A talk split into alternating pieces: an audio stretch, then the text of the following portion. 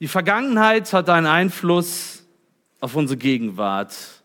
Und niemand kann das abstreiten. Das trifft nicht nur auf den Einzelnen zu, sondern auch auf das große Ganze, auf die Weltgeschichte, auf die Nationen. Und nicht nur das, wir finden dieses Prinzip auch in der Landwirtschaft. Die Saat hat einen Einfluss auf die Ernte. Auch die Bibel verwendet dieses Bild. Ist es eine allgemeine Wahrheit? Deine Zukunft wird beeinflusst von dem, was du heute tust oder nicht tust. Die Gegenwart, in der du jetzt lebst, wurde beeinflusst von den Sachen, die du getan hast oder nicht getan hast. Ein Philosoph hat mal gesagt, wer sich an die Vergangenheit nicht erinnert, ist dazu verdammt, sie zu wiederholen. Also ist es ratsam, die Geschichte, die Vergangenheit zu studieren. Und ich weiß nicht, ob jemand bei euch irgendwie Abikurse belegt. Du wirst gut beraten, die Geschichte nicht abzuwählen. Ich denke, es ist auch gar nicht möglich oder nur in einem geringen Maßen. Wir können aus der Geschichte, ja, profitieren. Unser Wort Geschichte wird im Lateinischen Historia genannt. Und die ursprüngliche Bedeutung von diesem Wort heißt Erkundung, Erforschung. Und ihr als Gemeinde habt euch auch auf eine Entdeckungstour begeben. Mit eurem Pastor Daniel seid ihr ganz, ganz weit zurückgereist. Ja, zu den Beginnen aller Dinge. Und in seiner Predigtreihe konntet ihr einiges lernen. Und das, was ihr gelernt habt, hat auch einen Einfluss auf das Hier und Jetzt. Und im Psalm 2, dem wir uns heute widmen werden, wirst du viel über die Vergangenheit lernen. Du wirst besser dadurch die Gegenwart, Gegenwart verstehen. Und ich hoffe, und ich hoffe, dass du die richtige Entscheidung für deine Zukunft fällst. Auf Englisch würde man sagen, History in a nutshell. Und genau so eine Zusammenfassung der Weltgeschichte finden wir im Psalm 2. In zwei, in zwölf Versen finden wir die komplette Weltgeschichte. Und das ist auch das Werkzeug. Und das ist die Brille, durch, den du, durch die du alles bewerten musst, was du erlebst, was du liest, was du hörst.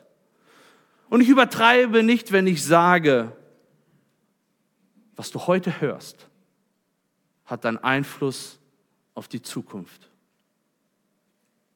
Und deshalb pass gut auf. Höre zu, was das Wort Gottes dir zu sagen hat und bevor wir den Predigtext lesen, möchte ich noch mal ganz kurz darauf eingehen, auf dieses besondere Buch der Psalme. In der Psalme finden wir eine ganze Fülle von biblischen Themen. Man könnte sagen, die Bibel im Kleinen. Und so wurde auch das umfangreichste Buch der Bibel von Martin Luther genannt.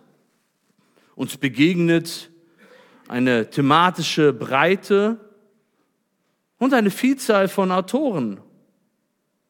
Und jeder von ihnen hatte eine eigene Geschichte mit dem Gott Israels. Und keines der Bibelbücher ist so persönlich. So persönlich wie die Psalme.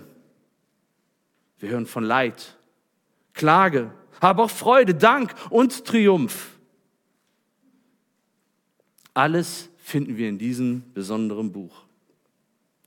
Und diese einzige Sammlung, diese einzige Sammlung von Gebeten, sie repräsentiert eine Zeitspanne von mehr als 900 Jahren. Stell dir vor, 900 Jahre wurden für uns auf eine Weise dokumentiert, dass wir Gott besser kennenlernen. Und nicht nur die Entstehung dieses Buches besonders, sondern auch sein Stil. Es zählt zu den poetischen Büchern der Bibel. Die westliche Poesie bedient sich dem Gleichklang der Silben. Die hebräische Dichtkunst ist dagegen anders. Sie ist voll Wiederholung, Steigerung, Gegensätze. Und genau das empfindet das jüdische Ohr als Poesie. Daniel ist kurz darauf eingegangen, auf diese zwei prächtigen Säulen, die uns am Eingang zu den Psalmen begegnen. Und sie erklären uns auch, was danach kommt, was sich weiter in diesem Buch begegnet. Wir haben einmal den Psalm 1, da geht es um den Einzelnen, um den Einzelnen, wie er mit dem Wort Gottes umgeht, wie auf das Wort Gottes reagiert. Und im Psalm 2 finden wir eine breitere Perspektive vor. Der Autor schaut über den Einzelnen hinaus. Sein Blick ist auf Nationen gerichtet. Seine Perspektive umfasst die Menschheitsgeschichte. Ja, es geht um globale Ereignisse. Und dennoch ist jeder Mensch ein Teil davon, auch wir. Wir möchten jetzt unseren Predigtext lesen. Ich lese aus Psalm 2. Da heißt es, warum toben die Heiden und ersinnen die Völker Nichtiges?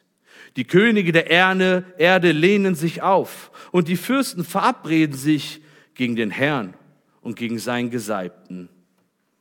Lasst uns ihre Bande zerreißen und ihre Fesseln von uns werfen. Der im Himmel thront, lacht. Der Herr spottet über sie.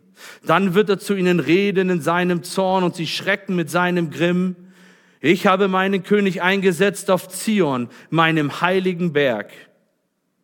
Ich will den Ratschluss des Herrn verkünden. Er hat zu mir gesagt, du bist mein Sohn. Heute habe ich dich gezeugt. Er bitte von mir, so will ich dir die Heidenvölker zum, zum Erbe geben und die Enden der Erde zu deinem Eigentum. Du sollst sie mit eisernen Zepter zerschmettern, wie Topfergeschirr sie zerschmeißen. So nehmt nun Verstand an, ihr Könige, und lasst euch warnen, ihr Richter der Erde. Dient dem Herrn mit Furcht und frohlockt mit Zittern. Küsst den Sohn, damit er nicht zornig wird und ihr nicht umkommt auf dem Weg. Denn wie leicht kann sein Zorn entbrennen, wohl allen, die sich bergen bei ihm.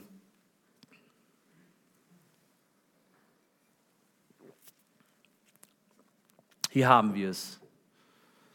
Jesus Christus ist der wahre König der Menschheitsgeschichte. Wir finden vier Wahrheiten über die Königsherrschaft Christi, die uns ermutigen sollen in unseren schweren Zeiten. Als erstes richten wir unseren Blick darauf, wie seine Feinde sind. Vers 1 bis 3. Danach, wie sein Vater ist. Vers 4 bis 6. Wie seine Herrschaft ist. Vers 7 bis 9. Und zum Schluss, wie sein Versprechen lautet. Vers 10 bis 12.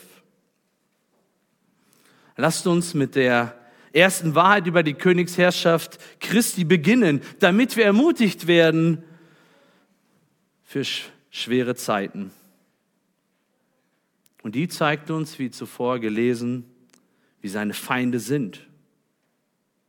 Im Vers 1 haben wir gelesen von Völkern, von Heiden und Völkern und ihr Zustand wird als tobend beschrieben.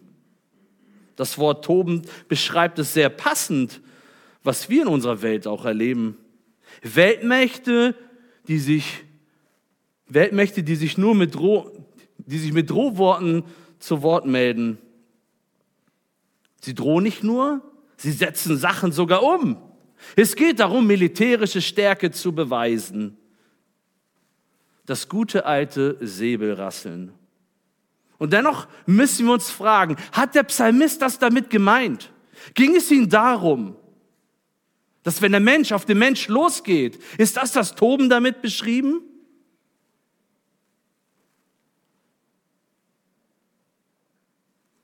Das Toben oder dieses Kollektiv der Völker, ihr Toben gilt nicht untereinander, sondern in erster Linie gegen Gott.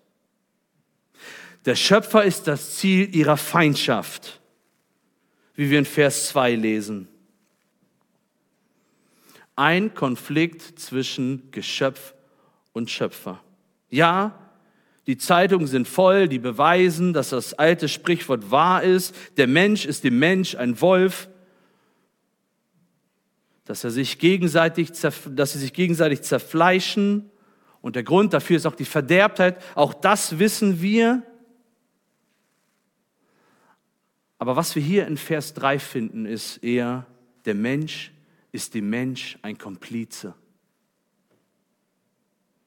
Wenn es darum geht, sich gegen den Schöpfer zu erheben, dann herrscht eine schreckliche Einheit, die wir noch nie gesehen haben. Wir haben so viel Entzweiung, aber hier finden wir eine Einheit, die erschreckend ist. Das Bündnis ist horizontal. Der Konflikt ist vertikal. Der Mensch will Gott attackieren. Wir haben es hier mit einem Komplott zu tun und dessen Ausmaße sind alle Völker, alle Kulturen, alle Sprachen, alles ist dort vertreten. Und nicht nur das, es umspannt auch die ganze Weltzeit. Das Vergangene, das Gegenwärtige und das Zukünftige. Vom Geringsten bis zum Mächtigsten. Der unscheinbare Nachbar von nebenan ist beteiligt, bis hin zu den talentiertesten Persönlichkeiten, die die Welt je hervorgebracht hat. Alle gehören dazu. Sie gehören alle zu dieser Verschwörung. Eine Verschwörung, die auf allen Ebenen sichtbar ist. Sie begegnet uns in allem.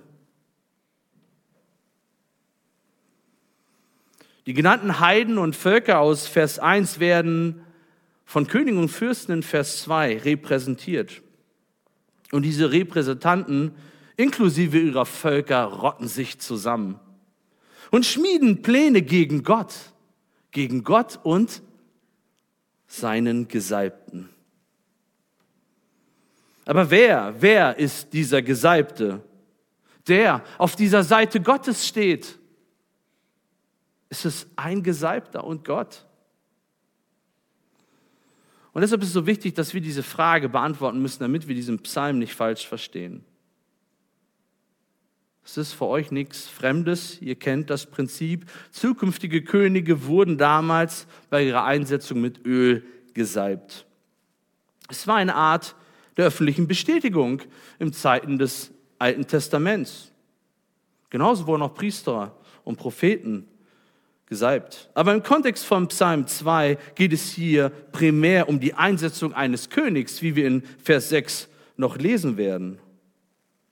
Wir denken, ja, an den berühmten König, wenn wir was vom Gesalbter hören, König David. Gott beauftragt Samuel, den, den zukünftigen König zu salben. Wir finden es in 1 Samuel Kapitel 16. Und ja, ich gebe es zu, auch David musste viel Widerstand erfahren. Und auch er hat, oder auch er wurde beschützt von Gott. Und er war auch auf der Seite Gottes.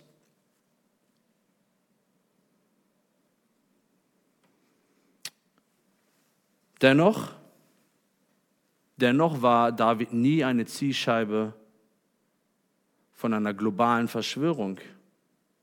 Das müssen wir zugeben. Und spätestens, wenn wir in Vers 6 angelangt ist, müssen wir bekennen, dass es hier sich um einen König handelt, der viel größer als David ist, weil dein ganzes Leben, die Geschichte der Nationen werden daran gemessen, in welcher Beziehung sie zu diesem König stehen. Des Weiteren finden wir auch viele Parallelstellen im Neuen Testament. Der Psalm 2 wird oft zitiert. Und er wird mit Christus in Verbindung gebracht. Wir denken an Hebräer 1, Vers 5 oder Apostelgeschichte 4. Der Gesalbte aus Vers 2 ist Christus. In der Apostelgeschichte 4 werden die ersten beiden, äh, werden die ersten beiden Verse aus Psalm 2 mit der Kreuzigung in Verbindung gebracht. Herodes, Pilatus, die Heiden, Pilatus, die Heiden und die Juden stehen für die Machthaber ihrer Zeit, ihrer Nation. Und sie fanden ihre Einheit und sie begannen ein schreckliches Verbrechen gegen ihren Schöpfer. Damit haben wir die Konstellation geklärt. Wir haben die Fronten beschrieben. Auf der einen Seite haben wir ein Bündnis von Menschen, von menschlichen Machthabern. Auf der anderen Seite sehen wir Gott. Gott und sein gesalbter Christus, sein Messias, sein König. Also es herrscht Krieg. Es herrscht Krieg zwischen dir, Mensch, und dein Schöpfer. Ihre rebellische Haltung wird in den folgenden Worten in Vers 3 sichtbar. Da heißt es, lasst uns ihre Bande zerreißen und ihre Fesseln von uns werfen. Hier kommen die Rebellen zu Wort. Sie wollen sich lösen. Sie wollen die Herrschaft Gottes über sich nicht anerkennen.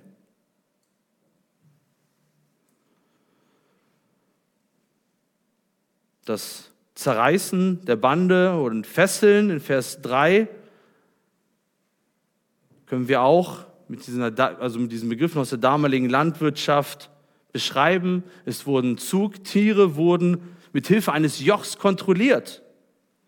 Der Besitzer des Tieres konnte damit dem Tier seinen Willen aufdrängen. Er konnte das Tier entsprechend lenken und es für die Arbeit einsetzen. Und diese Aussage in Vers 3, da geht es darum, sich von diesem Joch zu befreien, es abzuschütteln. Die Herrschaft, die über einen ist, die Herrschaft Gottes nicht anzuerkennen.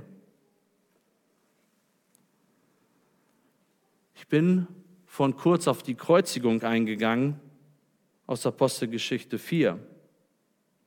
Und dieses Ereignis ist der Gipfel der menschlichen Rebellion. Es zeigt uns, wie weit der Mensch geht, um sich von seinem Schöpfer zu lösen. So viel zu dem Thema, dass der Mensch Gott sucht. Als Christus unter ihnen war, was haben sie getan? Sie wollten ihn aus dem Weg räumen. Sie wollten ihn nicht anerkennen. Sie versuchten alles, um ihn loszuwerden. Alles war ihnen recht. Sie hatten ihre Chance. Sie hatten ihre Chance. Er lieferte sich ihnen aus. Das war der größte Schlag des Menschen gegen seinen Schöpfer. Sie töteten ihn auf brutalste Weise. Doch am dritten Tag stand er auf. Und nicht mal der Griff des Todes konnte unseren Herrn zurückhalten. Diesen herrlichen König. Und zu Recht beschreibt der Psalmist das Vorhaben der Menschen als nichtig in Vers 1. Ihre Pläne sind nichts wert. Es ist ein ungleicher Kampf. Die göttliche Seite kann nur als Sieger hervorgehen. Damit ist gewiss, dass das Bündnis scheitern muss. Und die Geschichte kennt nur einen Sieger. Gott und sein König Christus.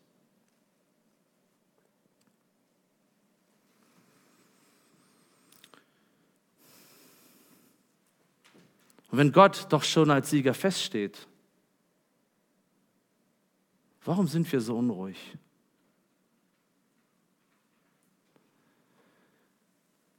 Was für ein Trost, den wir hier finden. Und lasst uns daran denken, die Feinde Gottes, sie sind nur Menschen. Lasst uns Gott mehr fürchten als sie. Ja, sie haben nicht die Möglichkeit mehr, Christus anzugreifen. Was tun sie? Sie vergreifen sich an seiner Gemeinde. Aber Gemeinde, habt keine Angst, sie sind nur Menschen. Und das Wunderbarste ist, du bist ein Teil des Bündnisses, des Bündnisses zwischen Gott und Christus. Das ist deine Garantie. Das ist dein Schutz.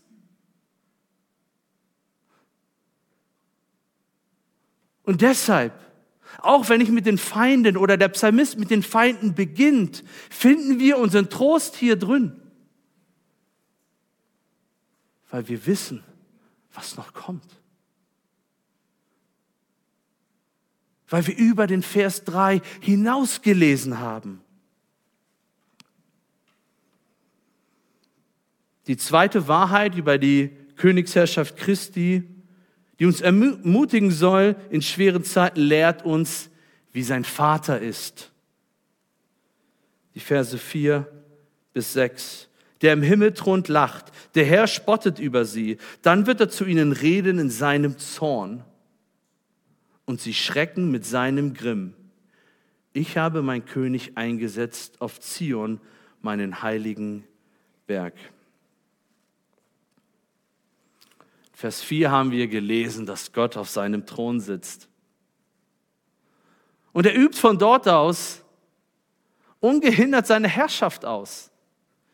Ja, die Psalmisten beschreiben es bildhaft, dass wir uns das vorstellen können. Wir wissen, dass Gott Geist ist.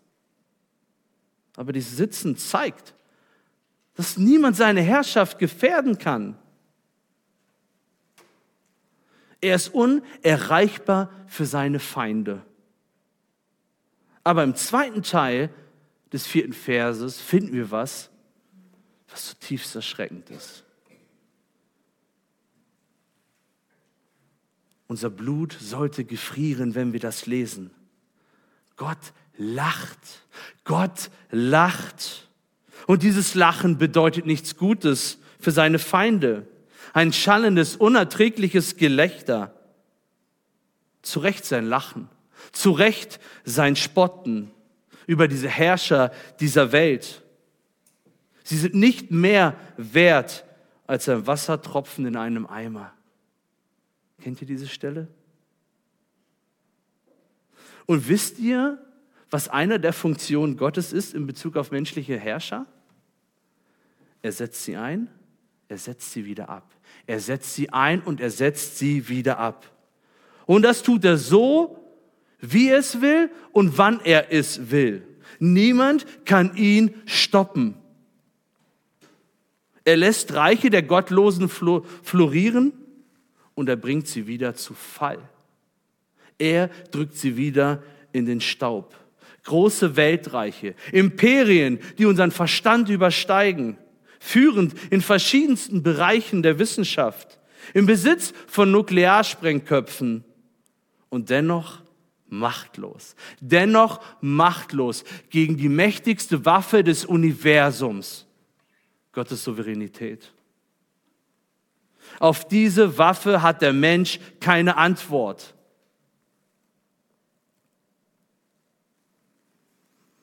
Vers 5, dann wird er zu ihnen reden in seinem Zorn und sie schrecken mit seinem Grimm. Wir haben gelesen, dass Gott zornig ist. Und das zu Recht. Psalm 7 sagt, Gott ist ein gerechter Richter, ein Gott, der täglich zürnt. Sein Schwert ist geschärft und sein Bogen gespannt. Spurgeon würde sagen, Gott verfehlt niemals sein Ziel. Eine Warnung für alle, die nicht umkehren wollen. Und nicht ohne Grund heißt die berühmte Predigt von Jonathan Edward, Sünder in der Hand eines zornigen Gottes. Aber wenn es nach dem Gottlosen geht, würde seine Predigt anders heißen, sondern Gott in der Hand des zornigen Menschens. Nein, das ist Fiktion. Das ist ein Hirngespinst. Das Toben der Völker und ihrer Führer schlägt in ein kollektives Schrecken um in Vers 5. Gottes Antwort auf ihre Rebellion ist, nur, ist nicht nur Zorn und Grimm, sondern auch eine Person. Seine Antwort ist eine Person. Und ohnmächtig müssen die Völker seinen Beschluss hinnehmen, wenn er im Vers 6 die Einsetzung seines Königs verkündigt. Sie haben da kein Mitspracherecht. Sie können nicht wählen.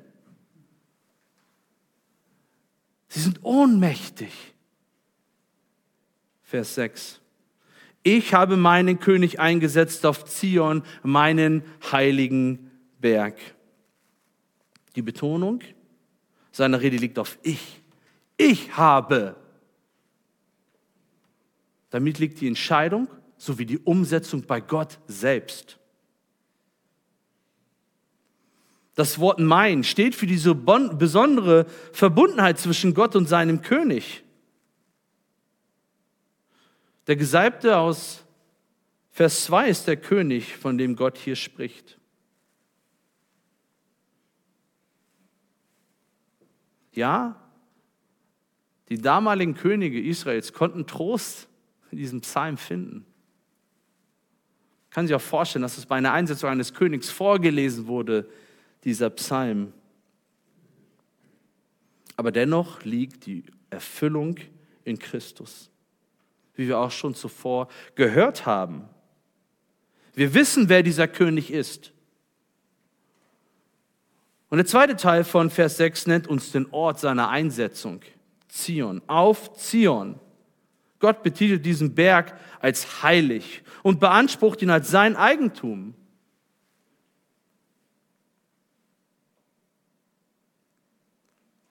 Der Tempelberg, aber auch Jerusalem als Ganzes wird in der Schrift als Zion bezeichnet und steht auch für den Ort, wo Gott angebetet wurde damals. Und aus anderen Textstellen wissen wir, dass Christus eine zukünftige Königsherrschaft von dort aus ausüben wird. Seine Herrschaft, die hat schon begonnen. Sie ist in Verborgenheit für den Menschen. Aber nur so lange, bis zu dem Tag, wenn er wiederkommt und er seine Königsherrschaft für alle Menschen sichtbar ausüben wird. Nachdem wir all das gehört haben, möchte ich dich Folgendes fragen. Gab es in den letzten Tagen einen Moment, wo das himmlische Bollwerk gebröckelt hat?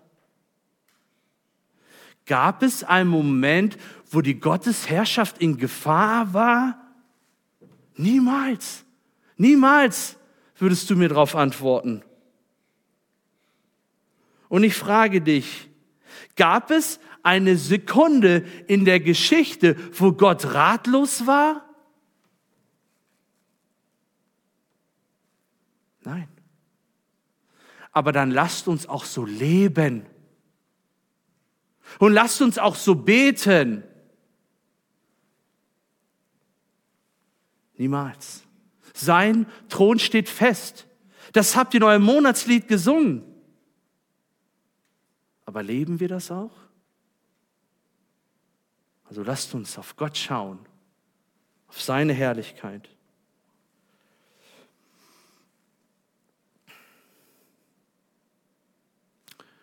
Ich muss zugeben, es gibt Momente, in denen meine, in denen meine Knie zittern vor Angst. Aber doch nicht bei meinem Gott. Gott lässt sich davon nicht beeindrucken. Ich bin versucht, aber er nicht. Er hat alles unter Kontrolle. Und jetzt ist es an der Zeit, mehr über diesen König zu erfahren. Ja, mit seinen Feinden begonnen. Danach haben wir auf Gott geschaut Und jetzt widmen wir uns dem König. In den Versen 7 bis 9 finden wir die dritte Wahrheit über die Königsherrschaft Christi, die uns ermutigen soll in schweren Zeiten. Diese Wahrheit führt uns vor Augen, wie seine Herrschaft ist. Die Herrschaft des Königs. Ich lese Vers 7. Ich will den Ratschluss des Herrn verkünden. Er hat zu mir gesagt, du bist mein Sohn. Heute habe ich dich gezeugt. Er bitte von mir, so will ich dir die Heidenvölker zum Erbe geben und die Enden der Erde zu deinem Eigentum. Du sollst sie mit eisernem Zepter, Zepter zerschmettern, wie Topfergeschirr sie zerschmeißen. In Vers 2 haben die Feinde, oder in Vers 3 eher gesagt, haben die Feinde gesprochen. Dann hat der Vater gesprochen, dass er seinen König einsetzt. In Vers 6.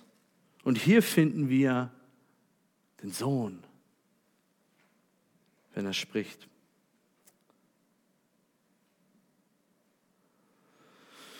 Dank den folgenden Versen, die wir uns jetzt genauer gleich betrachten werden, haben wir einen tiefen Einblick in den Ratschluss Gottes. Und dieser Ratschluss hat Gott mit sich selbst geschlossen, der dreieinige Gott, in völliger Unabhängigkeit und das vor Grundlegung der Welt. Und in diesem Abschnitt bezeichnet Gott seinen König als seinen eigenen Sohn. Die steht natürlich für diese Einzigartigkeit dieses Königs. Gott, der Vater und Gott, der Sohn sind vollkommen gleich. Wir denken an die Worte Gottes bei der Taufe seines Sohnes in Matthäus 3. Dies ist mein geliebter Sohn, an dem ich wohlgefallen habe. Aber was bedeutet die Aussage, heute habe ich dich gezeugt? Wir dürfen diese Aussage nicht falsch verstehen dass Christus ein einfaches Geschöpf ist, so wie du und ich. Ja, er wurde zu einem bestimmten Zeitpunkt Mensch. Ja, das sagt die Bibel. Aber die Bibel sagt auch, dass er ewig ist, dass er Gott ist. Hebräer 13, Jesus Christus ist derselbe gestern, heute und in Ewigkeit. Damit ist er ohne Anfang, ohne Ende. Und das trifft nur auf Gott zu. Es trifft nur auf Christus zu. Das Wort gezeugt aus Vers 7 bedeutet vielmehr hervorbringen, einsetzen. Und das heute bezieht sich auf diesen bestimmten Tag der Einsetzung. Wir finden auch, dass dieses, dass er ihn, heute habe ich dich gezeugt, auch auf die Auferstehung, sich auf die Auferstehung bezieht. Und im Vers 8 zitiert Christus Gott dem Vater. Er sagt zu seinem Sohn, er bitte von mir. Das ist ein Zitat des Sohnes und es das heißt, er bitte von mir.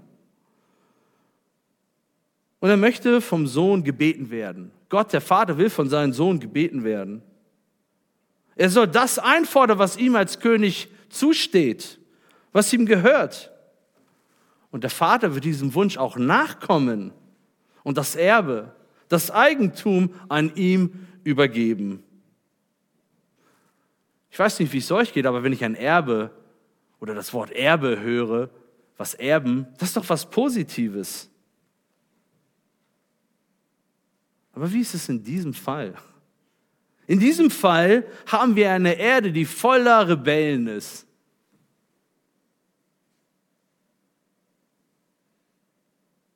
Und danach, oder wenn wir das im Kopf haben oder verstehen, dann macht der Vers 9, der danach folgt, völlig Sinn.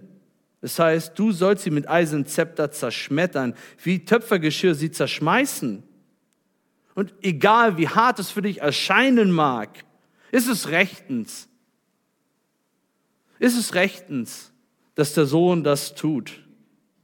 In diesem Fall bedeutet das Erbe antreten die völlige Zerstörung seiner Feinde. Das Zepter oder auch Stab, je nach Übersetzung, aus Eisen steht für sein Gericht, was er ausüben wird. Das Töpfergeschirr symbolisiert die Nationen, Imperien, mächtige Männer, wie Töpfergeschirr, die der König zerschmeißt.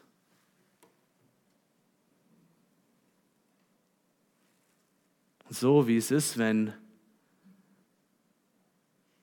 Töpfergeschirr in unzählige Stücke zerbricht,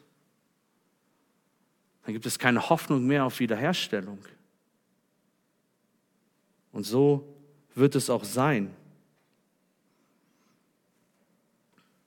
Es wird niemand entkommen. Es wird niemand entkommen, wenn der Löwe Judah sich aufmacht, um seine Beute zu jagen, zu reißen. Aber wenn ich das hier lese, dann frage ich mich, kann ich oder können wir als Gemeinde diese Rebellion stoppen?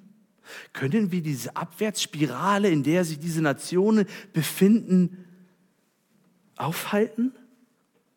Der Lauf ist unaufhaltsam. Und ich sage dir, wir können diese Welt nicht reformieren. Wir können diese Nationen nicht umstimmen. Sie werden weiter rebellieren. Ja, und sind die Hände gebunden. Und sind die Hände gebunden. Aber was wir tun können, davon werden wir gleich noch hören im nächsten Abschnitt. Was unsere Aufgabe ist.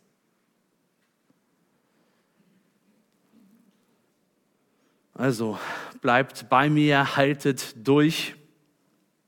Wir haben gehört, wie seine Feinde sind, wie sein Vater ist und wie seine Herrschaft ist. Und jetzt kommen wir dazu, wie sein Versprechen lautet. Es ist die vierte Wahrheit über die Königsherrschaft Christi, die uns ermutigen soll in schweren Zeiten.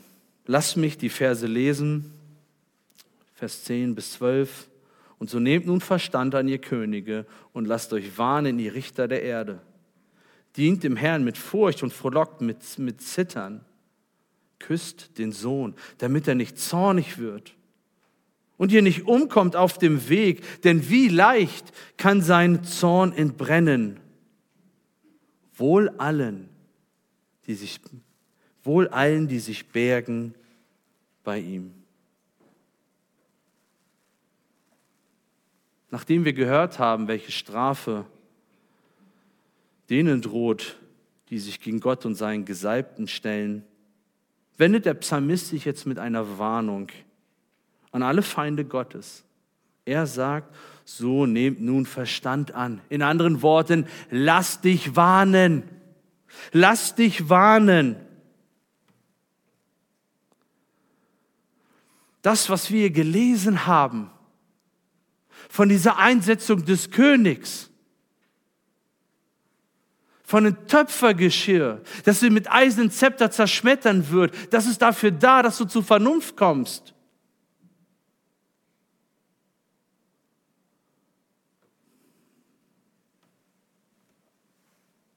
Es ist Zeit, vernünftig zu werden. Und jetzt geht es darum, zu verstehen, dass du in einer Gefahr bist und dass du diese Gefahr nicht auf leichte Schultern nimmst. Aber es muss nicht so kommen. Du musst nicht zerschmettert werden. Die sich einst von Gott lossagen wollten, sollen jetzt seine Nähe suchen. Es wird Zeit. Es wird Zeit, sich vor dem König Christus zu demütigen. Und die Anforderungen in Vers 12 bringen das zum Ausdruck. Zum Ausdruck einer Demütigung. Küsst den Sohn. Fall auf die Knie. Küsse seine Füße.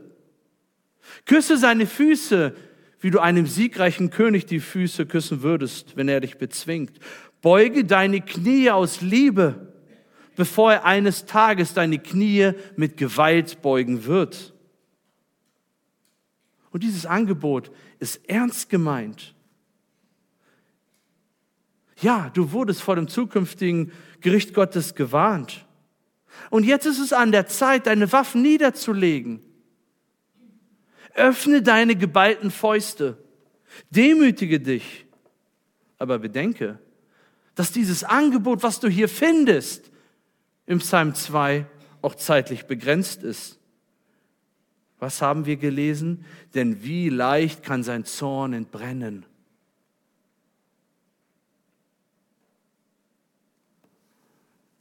Ja, was ist unsere Aufgabe dabei? Das Schicksal der Nationen ist besiegelt. Aber unsere Aufgabe ist, dieses Friedensangebot des Königs den Menschen zu bringen. Wir können,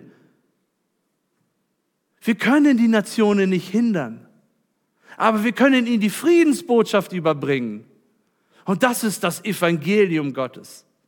Das ist das Evangelium Christus. Das Evangelium hat den Ursprung in Gott. Das ist sein Friedensangebot für den Rebell.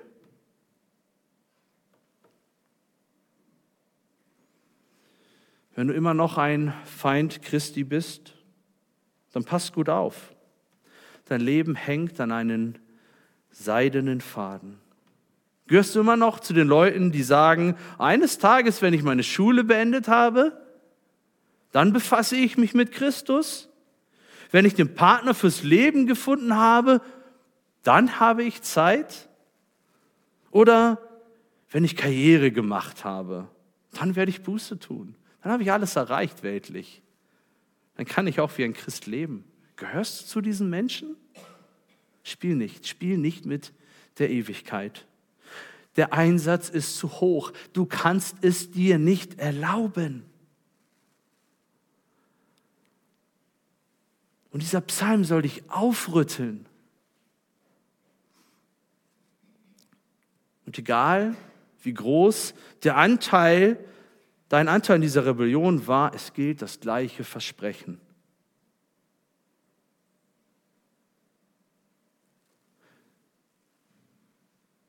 Siehe, jetzt ist die angenehme Zeit. Siehe, jetzt ist der Tag des Heils.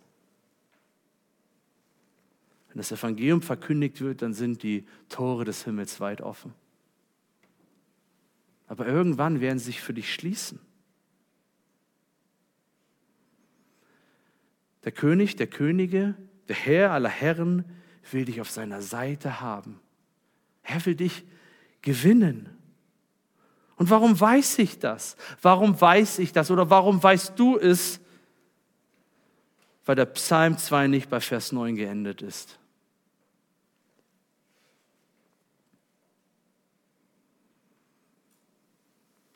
Es endet, oder der Psalm endet mit einem wunderbaren Versprechen. Ein Versprechen auf Segen und Vergebung, die da lauten, wohl allen, die sich bergen bei ihm.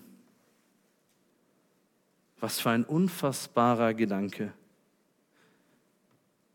Wir haben so viel über Christus in diesem einzigen Psalm, in diesem besonderen Psalm gelernt. Seine Herrlichkeit als König.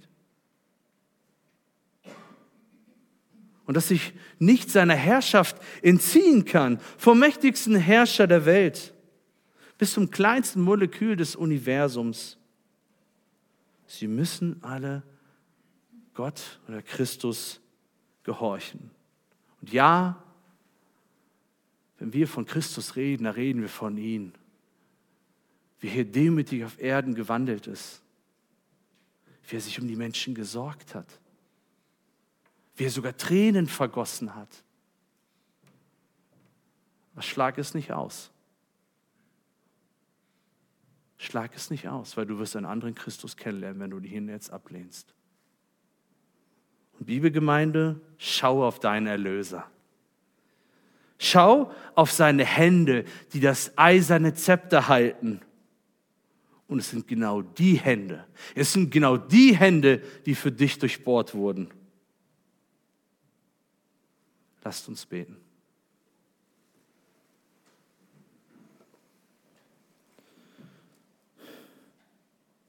wer ist ein Gott wie du, der die Sünde vergibt, der seinen Zorn nicht alle Zeit festhält, sondern Lust hat an der Gnade. Oh ja, Herr, hab Dank dafür.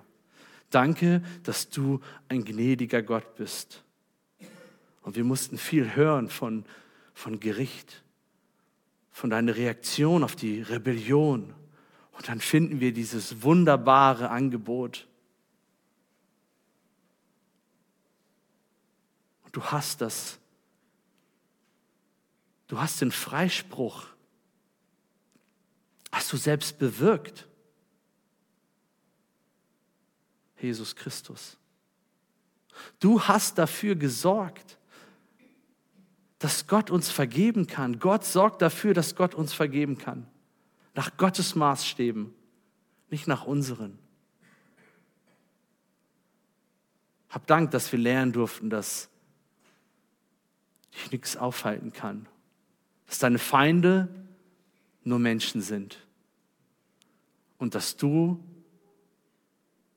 alles unter Kontrolle hast. Und ich bitte dich, ich bitte dich, Herr, dass die Geschwister auf dich schauen, auf deine Herrlichkeit, sie deiner Souveränität vertrauen und dass sie froh sind, solch einen König zu haben wie dich. Gepriesen seist du. Amen.